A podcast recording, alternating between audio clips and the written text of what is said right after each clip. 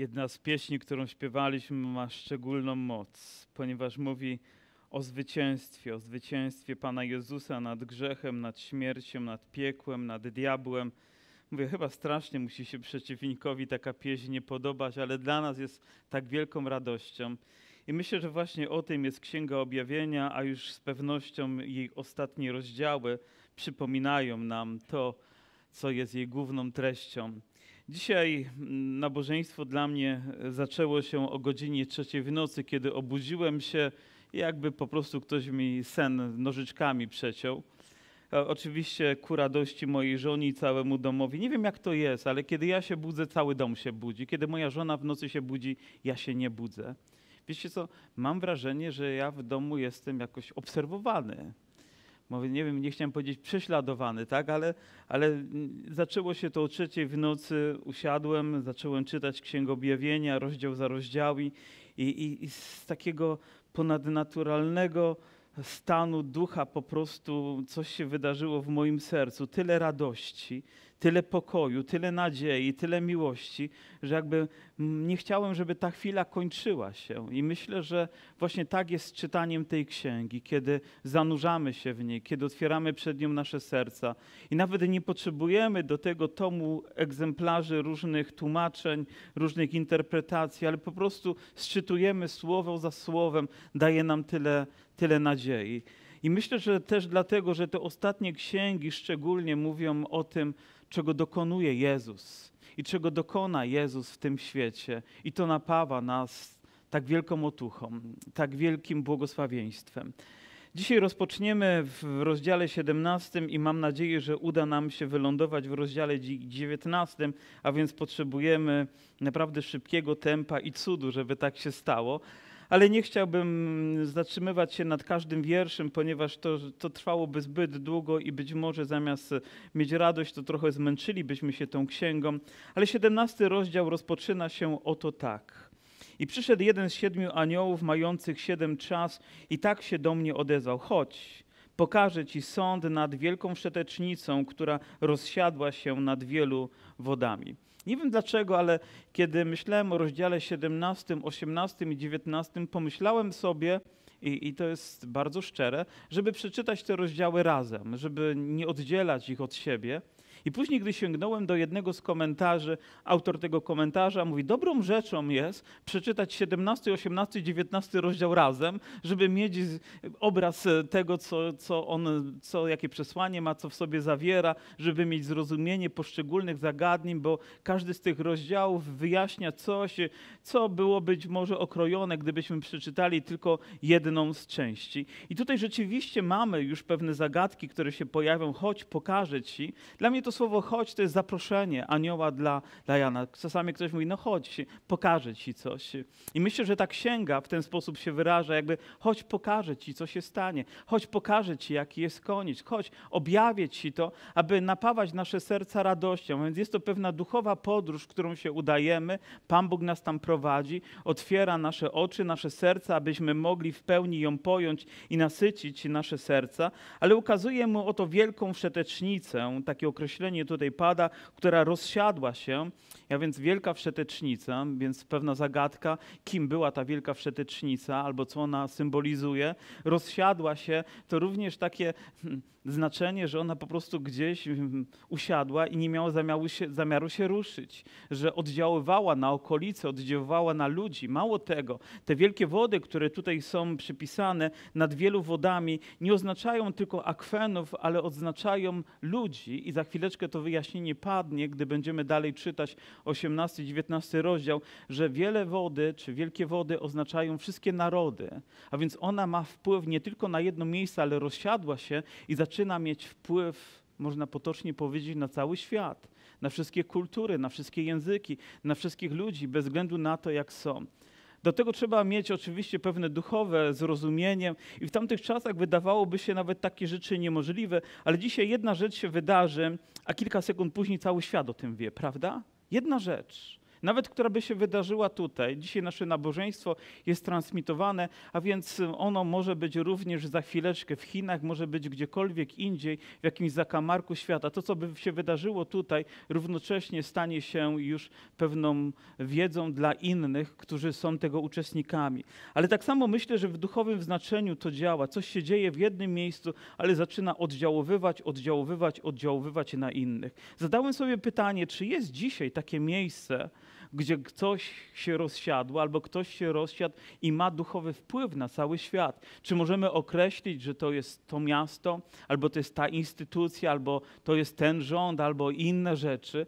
Nie chciałbym tak daleko galopować, ale chciałbym, żebyśmy mieli świadomość, że są duchowe rzeczy, które mają wpływ na innych ludzi, że są decyzje, które są podejmowane i one będą miały swoje konsekwencje w życiu wielu narodów, nawet nie jednego. I być może nawet my nie jesteśmy świadomi, w wielu rzeczach uczestniczymy, tylko dlatego, że jakaś grupa ludzi, która ma władzę nad Europą, może nawet nad światem, spotyka się, podejmuje te decyzje, a one później oddziałują na nas. My możemy nawet być poza świadomością taką teoretyczną, bo, bo w praktyce tego niestety boleśnie doświadczamy.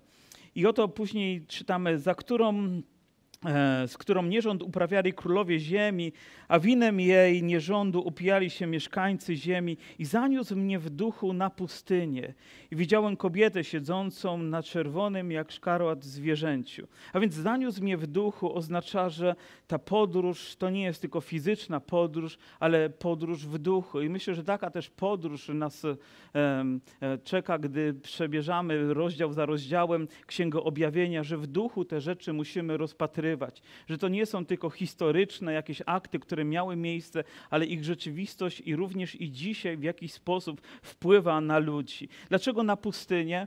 Wiele razy Bóg prowadził ludzi na pustynię, aby tam mogli znaleźć szczególną społeczność z Bogiem, aby tam wyciszeni może od reflektorów, od świateł tego świata, wyciszeni mogli skupić się na tym, co jest ważne. Prorocy bywali na pustyni. Wiemy, że nawet nasz Zbawiciel znalazł się na pustyni, aby pościć, aby mieć społeczność ze swoim ojcem, i to miało dla niego ogromne znaczenie. I być może, żeby pojąć niektóre rzeczy, my również potrzebujemy w duchu znaleźć się w jakimś takim odizolowanym miejscu, aby mieć lepszą perspektywę spojrzenia na to, co się dzieje. Ponieważ w chaosie, ponieważ w gwarze, ponieważ w zamieszaniu trudno jest podejmować dobre decyzje dla naszego życia. Emocje są zbyt duże, zburzenie jest zbyt wielkie i to prawdopodobnie zamyka nam tą zdolność, abyśmy rzeczy widzieli takimi, jakimi powinniśmy je dostrzec. Ale tutaj nie mamy cienia wątpliwości, że ta perspektywa spojrzenia jest właściwa, bo sam Bóg przez anioła jakby ukazuje tutaj Janowi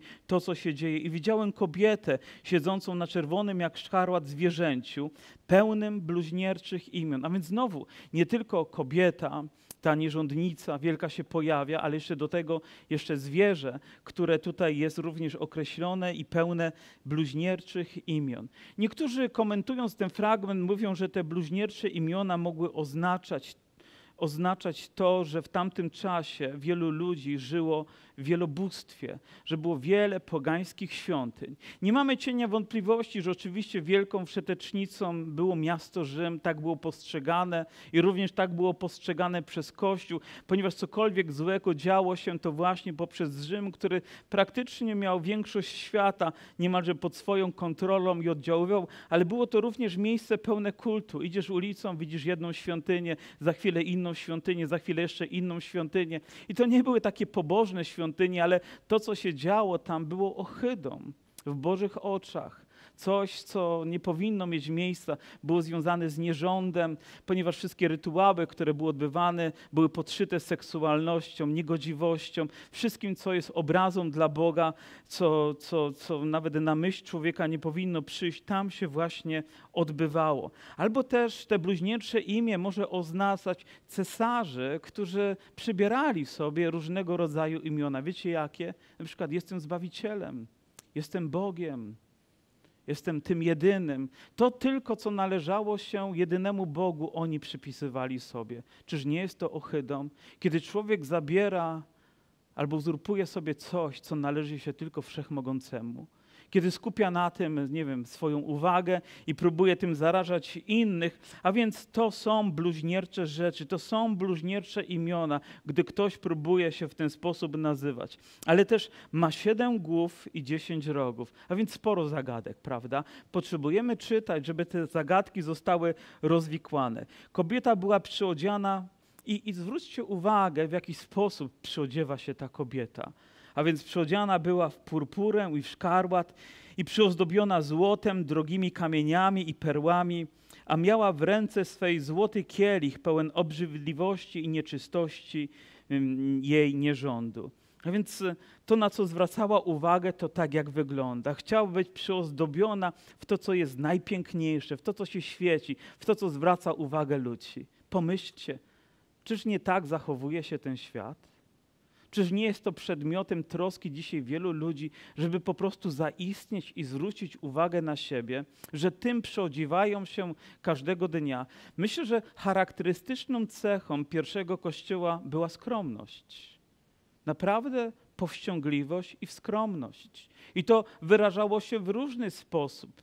Ja nie chcę nadużywać tego fragmentu, ale dzisiaj e, no, no, no liczy się to, jak się zaprezentujemy, liczy się bardziej to, jak wyglądamy, a nie to, jakimi jesteśmy. Musimy robić właściwe wrażenia na ludzi. Ten show musi trwać i tak przedstawia się też ludzi w mediach. Dla ludzi są ikonami, są idolami, nie wiedząc, że ich życie jest puste, ich życie jest bezowocne, ich życie jest pasmem różnych tragedii, które się rozgrywają, ale ludzie ślepo widzą tylko to, co widzą ich oczy nie mają duchowego wejrzenia w to, że za tym może stać coś, co staje się również niebezpieczeństwem dla nich. My potrzebujemy pewnej mądrości. My inaczej jesteśmy uczeni, by się przyodziewać. Tak, przyodziewa się wielka nierządnica. A myślę, że nic wspólnego Kościół nie powinien z takim stylem mieć i do niego się odnosić. A na czele jej wypisano było imię o tajemniczym znaczeniu. Ktoś komentując ten fragment powiedział, że w tamtejszych domach publicznych kobiety miały przepaski na głowach i na tych przepaskach były wypisane ich imiona.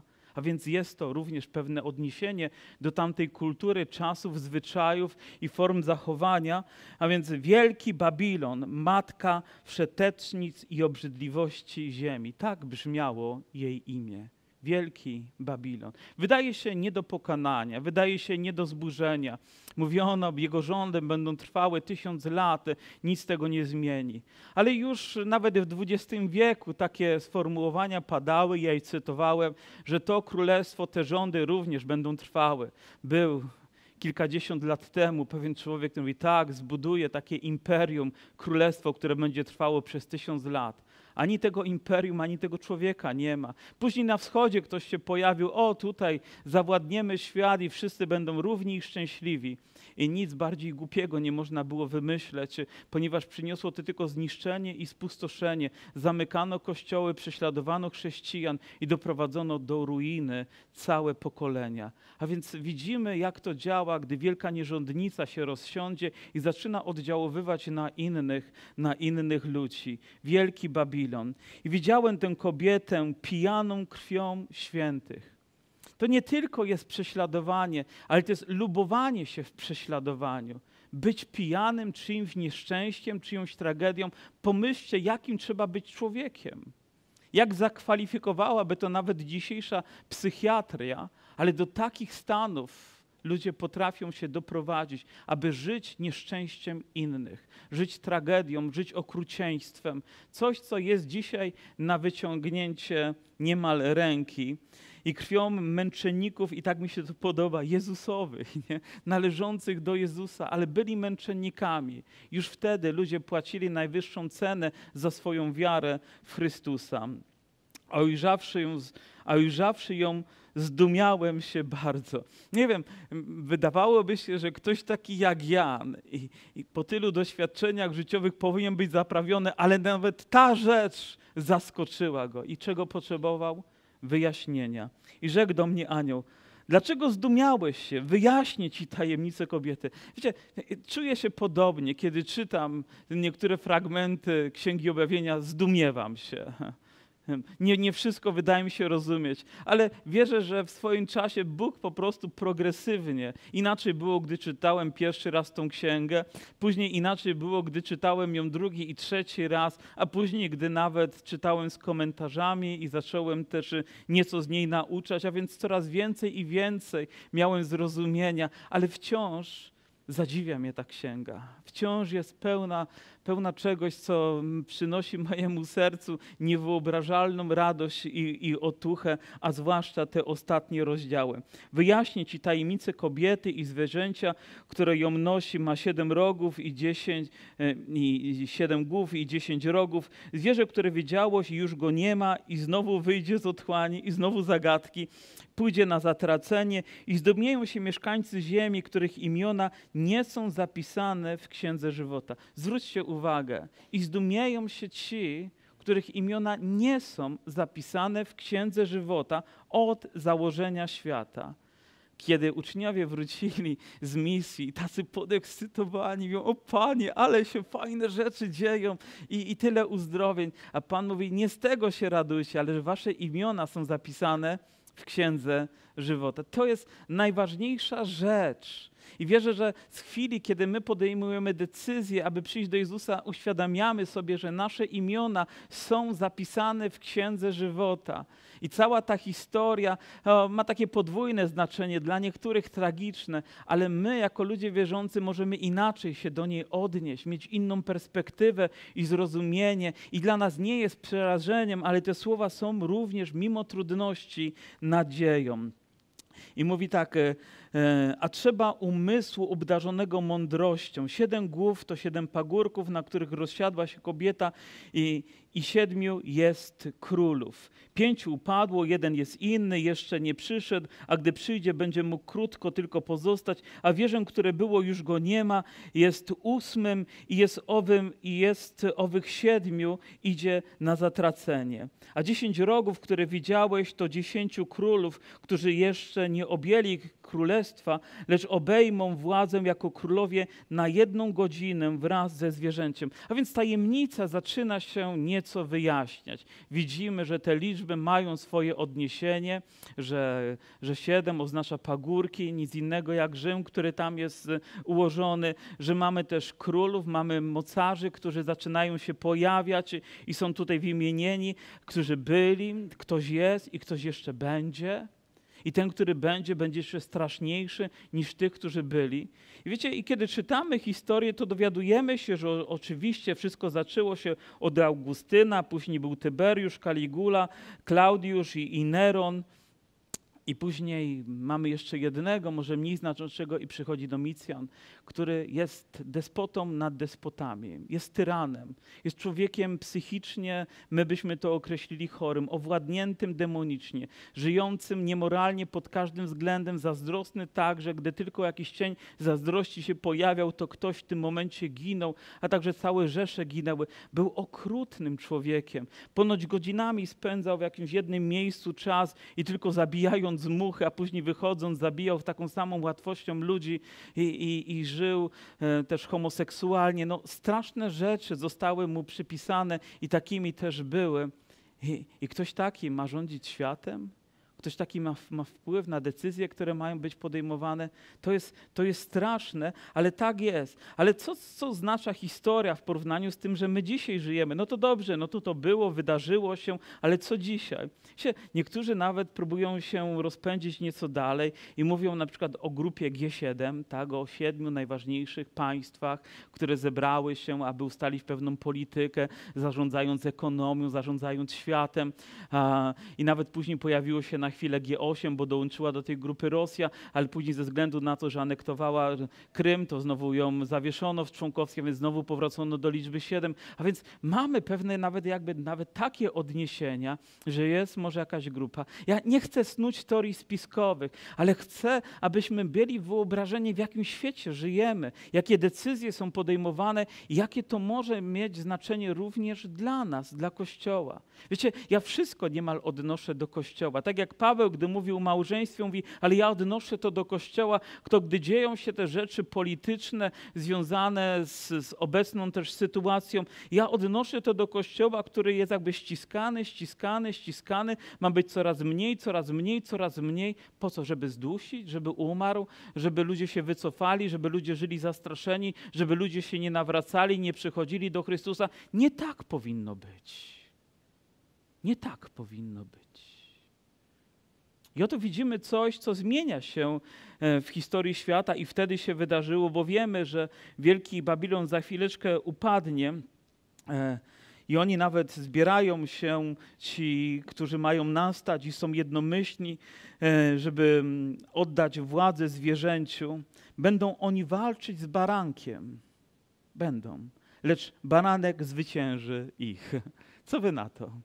Będą walczyć, ale baranek ich zwycięży. I my również toczymy walki, duchowe walki, toczymy duchowe boje, ale nie zostaniemy zwyciężeni, bo baranek zwycięża.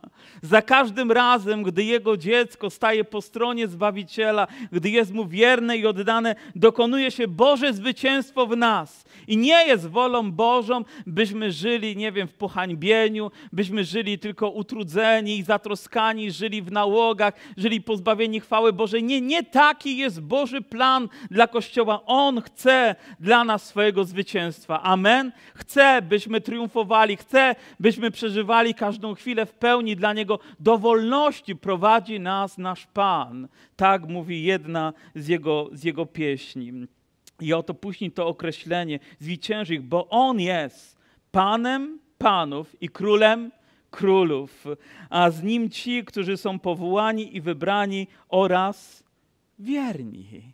Wybrani, powołani oraz wierni. My razem z Nim stanowimy niezwyciężony Kościół, chwalebny Kościół, pełny mocy i łaski Kościół, bo Panem ponad Panami, Królem ponad Królami jest Jezus. Muszę galopować, choć chciałbym się tutaj zatrzymać na nieco dłużej, a później mm, i znów i mówi do mnie, wody, które widziałeś, nad którymi rozsiadła się, więc te wielkie narody, rozsiadła się, to ludy i tłumy i narody i języki. Czyż nie wyjaśnia się to? Czyż nie staje się oczywistym dla nich? A, dziesięć rogów, które widziałeś i zwierzę, i, i, mm, ci nienawidzą wszetecznicę i spustoszą ją i ogołocą ciało jej jeść będą i spalą ją w ogniu. Bóg bowiem natchnął serca ich, aby wykonali Jego postanowienie. To dziwne, że Bóg posługuje się nimi, aby i tak dokonała się chwała dla Niego. I w historii, nawet starotestamentowych, oto czytamy o jakimś królu pogańskim, a Bóg mówi, oto mój sługa, który wykonał to, żeby nawet nieco nacisnął na Izrael, żeby Izrael mógł wrócić do Boga. To wydaje się takie trudne do zinterpretowania, ale ja wiem, że mój Bóg wie, co robi. I mogę mu zaufać całym moim sercem, i nawet jeżeli dla mnie jest to niepojęte, to on wie, dokąd zmierzam.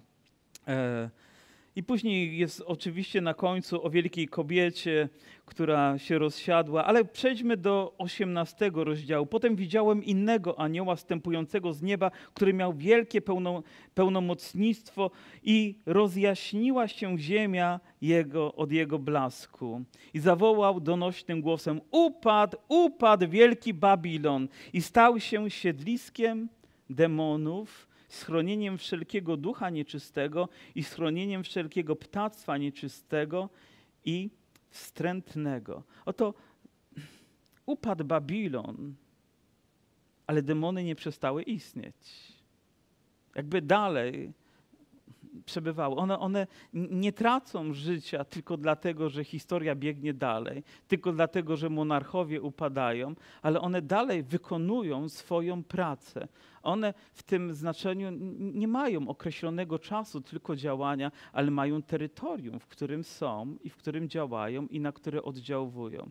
Może zmienić się pewna forma, ale ich oddziaływanie będzie dalej. Myślę sobie tak, upadł, upadł wielki Babilon, ale demony, demony i siły nieczyste działają dalej, prawda? Nam się wydaje, o, już upadło to imperium, to mamy spokój Ale czy to oznacza, że w znaczeniu duchowym wszystko się zmieniło? Że to rozwiązało wszystkie nasze problemy? Nawet my myśleliśmy, o, kiedy będziemy mieli demokratyczny kraj, to będziemy najszczęśliwszymi ludźmi na świecie. Ja wiem, że demokracja wiele zmieniła. Naprawdę powiało wolnością, powiało możliwościami. Ale mam pytanie, ale czy ludzie stali się o wiele bardziej szczęśliwi? Czy to oznacza, że triumfowaliśmy ostatecznie? Czy myślimy, że ekonomia, czy myślimy, że układy polityczne zmienią serce ludzi, że demony przestaną działać, bo upadł też wielki balon? Oczywiście w znaczeniu takim ludzkim jest mniej cierpienia, bo, bo oni nie mogą oddziaływać, bo nastaje ich koniec, ale też to miejsce dalej może w inny sposób, w innej formie, może bardziej ukrytej, zawaluowanej oddziaływać na inne narody, mieć wpływ, co tam takiego jest, gdzie może dzisiaj jest takie miejsce, które może oddziaływać. Kiedyś słuchałem pewnego kaznodzieja, który znalazł się w ONZ i on był dobrze poinformowanym człowiekiem. ONZ to wiecie, Organizacja Narodów Zjednoczonych, taka, taka no, instytucja ponad, jakby pozbawiona religijności, ale mówi, ale słyszałem, że tutaj w tej instytucji jest pewna kaplica i bardzo uprosił przewodnika, żeby go zabrał. Mówi, ale skąd pan wie o tym? Mówi, po prostu słyszałem. I mówi, i zabrał mnie do takiego miejsca, które było kaplicą w ONZ i słyszałem to od niego na żywo, a więc mogę tutaj przekazać, gdzie rzeczywiście była kaplica. W środku tej kaplicy był posąg, który obrazował bóstwa, wszystkie bóstwa świata miał zawierać wszystkie religie. Ja więc każdy mógł tam przyjść, żeby się modlić, bo to było takie bezkrytyczne. Wyobrażacie sobie, mówi, taki ciemny pomnik o jakimś dziwnym kształcie, bardzo mroczne miejsce, bardzo ponure miejsce w centrum Organizacji Narodów Zjednoczonych. A więc, a więc, trudno nawet to jest jakoś wyjaśnić, ale wygląda na to, że takie miejsca są a ja nie chciałbym mieć z nimi nic wspólnego. I mam nadzieję, że, że, wy, że wy również. A, a też Bóg później dalej mówi tak, i to chciałbym, żebyśmy zapamiętali w wierszu czwartym. Usłyszałem inny głos nieba, mówi: Wyjdźcie z niego, ludu mój, abyście nie byli uczestnikami jego grzechów. Czytając ten wiersz, zadałem sobie pytanie, jak żyć w tym świecie, nie należąc do tego świata? Musimy żyć, musimy funkcjonować, oddychać, wykonywać codzienne funkcje życiowe i zaopatrywać nasze domy i płacić rachunki i funkcjonować zawodowo i jakkolwiek i, korzystać jeszcze z opieki zdrowotnej najlepiej. Ale jak nie należeć do systemu tego świata? Jak mu się przeciwstawić tak, aby w duchowym znaczeniu wyjść? Bo nie myślę tylko, że chodzi o fizyczne opuszczenie. Oczywiście, gdyby tam miała się e, za chwileczkę odbyć jakaś katastrofa, trzęsienie ziemi, nie wiem, wulkan wybuchnąć i Bóg ostrzega, to trzeba fizycznie opuścić, ale w duchowym znaczeniu również musimy przekraczać pewne granice, musimy zerwać pewne więzy, nie pozwolić, aby one miały na nas wpływ. I myślę, że to jest ważne wezwanie dzisiaj do Kościoła, abyśmy wyszli z tego świata abyśmy nie utożsamiali się z Nim, abyśmy nie, nie, byśmy nie próbowali wtapiać się w tłum i najlepiej, żeby nas nikt nie dostrzegł, będziemy takimi chrześcijanami incognito, najlepiej, żeby nas zostawili w spokoju, żeby się nas nie czepiali, żeby nikt nas nie wyzwał, żeby nikt nie pociągnął nas do konsekwencji. Ot, takie ciepłe chrześcijaństwo. Nie? Czasami chrześcijaństwo musi zapłacić swoją cenę, żeby być prawdziwym chrześcijaństwem, żebyśmy mogli być świadectwem. Musimy wyjść z tego świata, a to jest jednak pewne wyróżnienie. Tak jak Dawid wyszedł przed arkę, żeby tańczyć i inni na niego spojrzeli, tak my musimy mieć odwagę zrobić coś, co przyniesie chwałę Bogu, bez względu na to, jak inni nas ocenią. Amen? Im wyjdźcie z tego świata, to jest zaproszeniem również i do nas. I później widzimy, że to miasto, miasto upada, ale wiemy, że Bóg jest mocny i Bóg jest pełen chwały i że one nad wszystkim czuwa i miasto się pali, kupcy zaczynają płakać, zaczynają się smucić, zaczynają biadolić, ponieważ nie będą mogli handlować, nie będą mogli sprzedawać swoich towarów, nie będą mogli czerpać z tego zysków. Ekonomia została zachwiana, bo nie ma z kim handlować, bo system ekonomiczny upadł. Czy to grozi naszej cywilizacji? Czy stajemy gdzieś na progu, gdzieś jakiegoś jedno wielkiego boom, że to jest jak domino i wystarczy, że jeden pionek się przewróci i wszystko zaczyna się sypać. Kiedyś widziałem takie doświadczenie, jak ktoś zaczął ustawiać takie pionki od najmniejszego takiego, a później był taki jeden ogromny, ale ten jeden mały spowodował, że ten wielki się przewrócił w, w konsekwencji.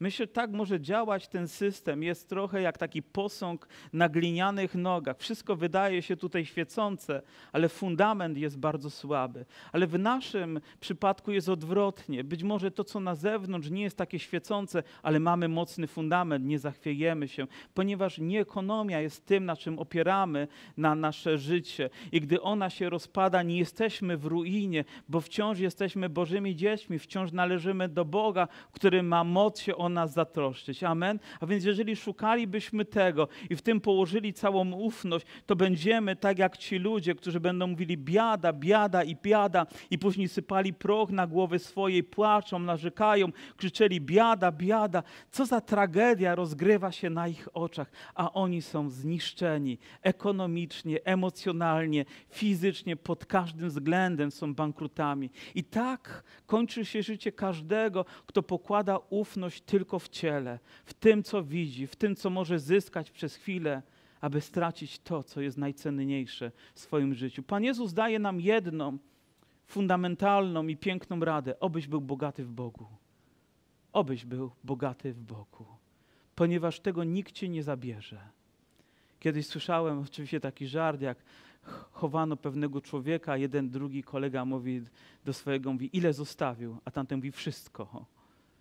Bo faktycznie wszystko będziemy musieli zostawić, ale jest coś, co wzięliśmy, wieczną cząstkę i tego nie zabierze nam nikt. I chwała za to naszemu Panu. A dalej czytamy: Rozraduj się nad nim niebo i święci apostołowie, prorocy, gdyż Bóg dokonuje dla was sądu nad nimi. To słowo rozraduj się w kontekście takiej tragedii wydaje się jakby nieadekwatne, ale wydaje mi się, że jest właściwym słowem, bo przede wszystkim jest w Biblii. I nie chodzi o to, że my cieszymy się z czyjegoś nieszczęścia, ale cieszymy się z tego, że Bóg dokonuje swojego dzieła. Ono może być trudne, ale Bóg tego dokonuje. I to napawa nas otuchą, wiedząc, że On dalej będzie razem z nami. A więc w tym mieście też znaleziono krew proroków, świętych, wszystkich, którzy zostali pomordowani na ziemi. I przychodzimy do 19 rozdziału i mamy jeszcze dwie godziny, chwała Panu. A więc 19 rozdział jest niezwykły, ponieważ padają tutaj słowa, od którego rozpoczęliśmy nasze nabożeństwa. Brzmiało ono ale jesteście spontaniczni. Albo już śpicie, albo muszę zaparzyć wam espresso, żeby was obudzić na chwilę. Ale to słowo aleluja powinno być jak espresso poranku, prawda? Że wydobywa się z nas. Potem usłyszałem jakby donośny głos licznego tłumu, w Dąbrowie Górniczej, nie w niebie to jest oczywiście, dziękuję siostro, który mówił Aleluja, zbawienie, chwała i moc Bogu naszemu. Oto właściwa reakcja w tych trudnych czasach nieba i wieży Kościoła. Liczny tłum, który wydobywa z siebie ten piękny okrzyk. Widzicie po tych wszystkich pieczęciach, które zostały zerwane, po tych wszystkich trąbach, które się odezwały, po tych wszystkich czaszach, które się wylały i biada, które zostały, zostały wypowiedziane, teraz rozbrzmiewa Alleluja! Co za cudowna melodia dla uszu człowieka wierzącego. Ponieważ to słowo składa się z dwóch części. Pierwsza część mówi chwała, a druga Bóg. Mówi chwała Boga, chwała Bogu. Oto, co wyraża to słowa. Więc gdy mówicie Aleluja, to mówi chwała Ci Boże. Ogłaszacie Jego triumf, Jego zwycięstwo, Jego chwałę również w Waszym życiu. Niebo nie milczy, niebo się odzywa, Kościół nie milczy. Kościół uwielbia Boga, gdy Pan przychodzi i dokonuje się Jego dzieło. Amen? A więc będziemy w tym czasie nie biadolić, nie mówić biada, biada, ale będziemy mówić jak? O, obudziliście się, może nawet ktoś powstał, jak słowo mówi, powstań ty, który śpisz, a zajaśnieje ci Chrystus. A więc jeżeli twój brat będzie spać na nabożeństwie, to przyłóż swoje usta w maseczce do jego ucha i powiedz Alleluja! Może to przeniesie go do wieczności, ale przynajmniej z Alleluja, prawda?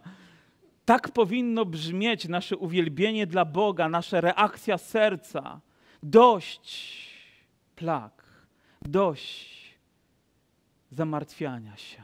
Przychodzi Boża chwała przychodzi czas. A więc to słowo nie jest tylko sloganem, który wypowiadamy, ale jest prawdą, która rozbrzmiewa w życiu człowieka wierzącego. Opowiadałem wam tą historię, jak pewien człowiek gdzieś na stacji w obcym mieście miał spotkać innego wierzącego, ale nie wiedział, y, jak wygląda, nawet nie wiedział, jak się nazywa, wiedział, że tylko wierzący ma go tam spotkać. Dawniej tak się komunikowaliśmy. A więc przyjeżdża, staje na peronie, tu wielki tłum wokoło niego, nie wie jak wezwać i tylko krzyknął krzyknął Aleluja!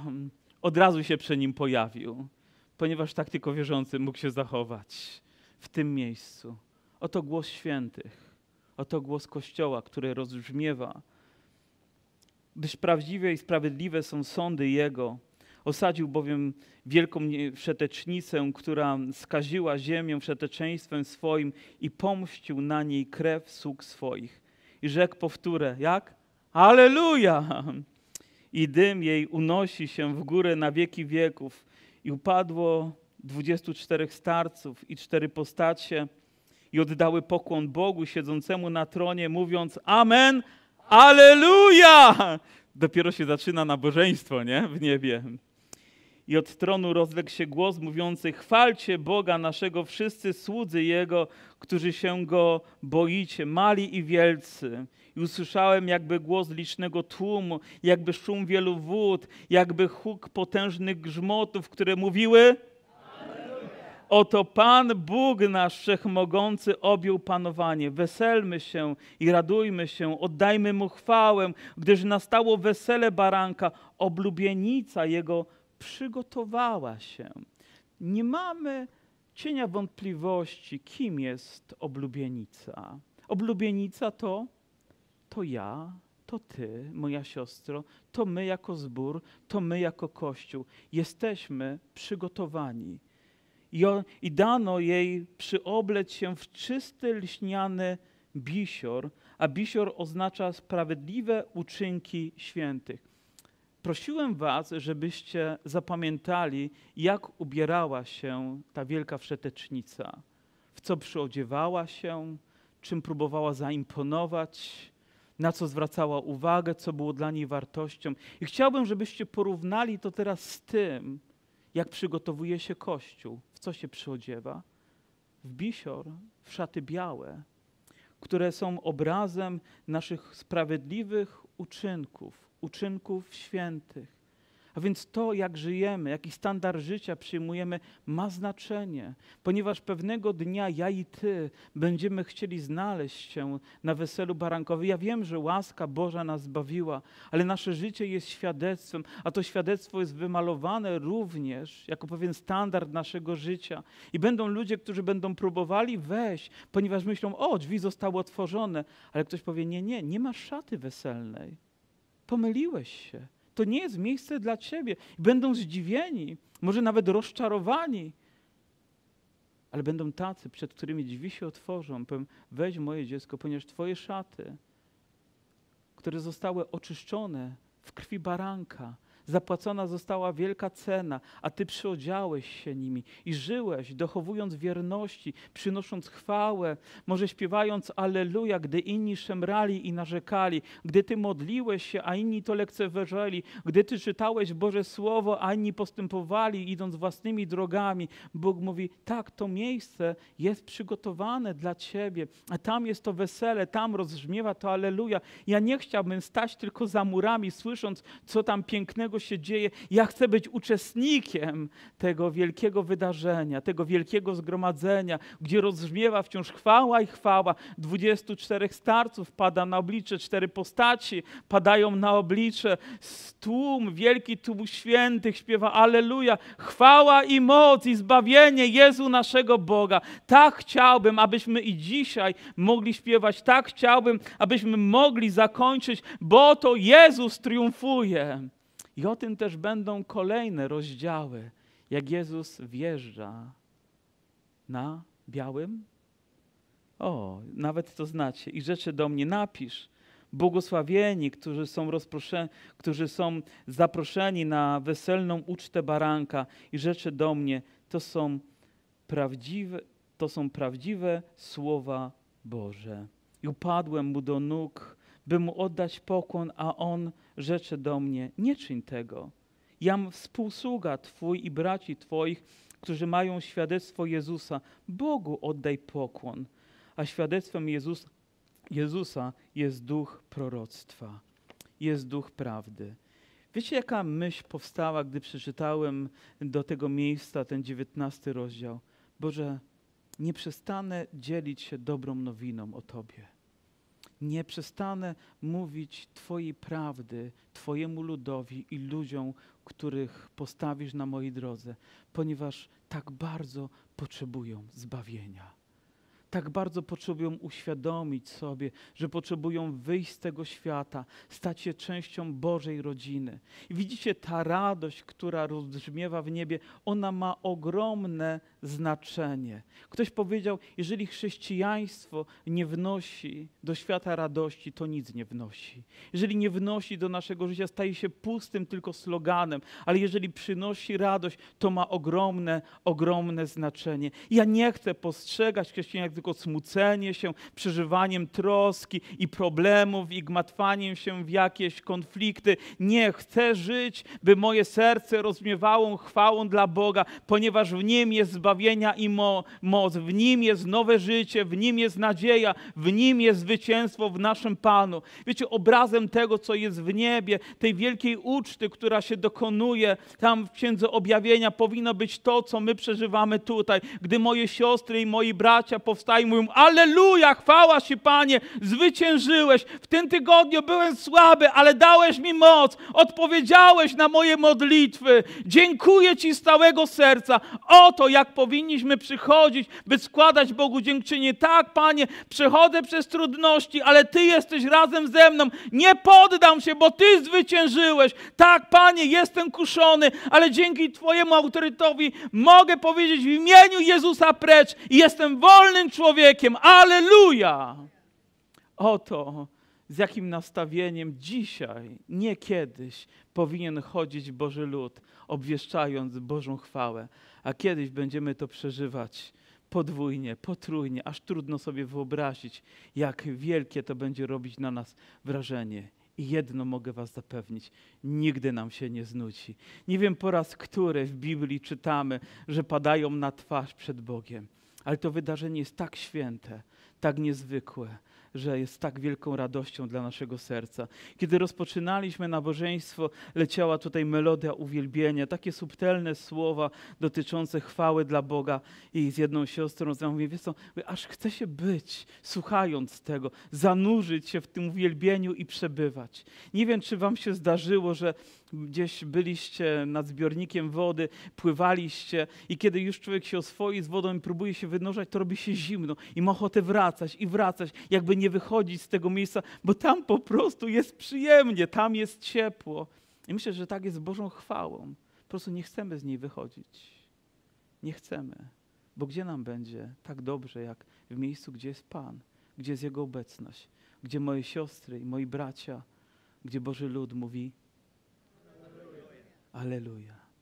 Chwała i moc. Może będziemy się tak pozdrawiać. Chwała i moc Zbawicielowi. Aleluja. Aleluja. Powstańmy. Powstańmy.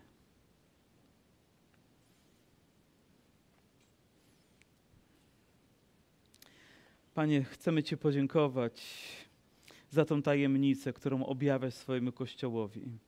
Za to, że tak jak kiedyś Jan został zaproszony, chodź, Ty, Panie, zapraszasz nas, by objawić nam to, jak wielkim, jak potężnym, jak wspaniałym jesteś Bogiem. Panie, dziękujemy Ci, że to jest zapowiedź tego, co będzie, ale też i dzisiaj, Panie, dlatego, że jesteśmy w duchu, dlatego, że należymy do Ciebie, możemy przeżywać to w naszych sercach.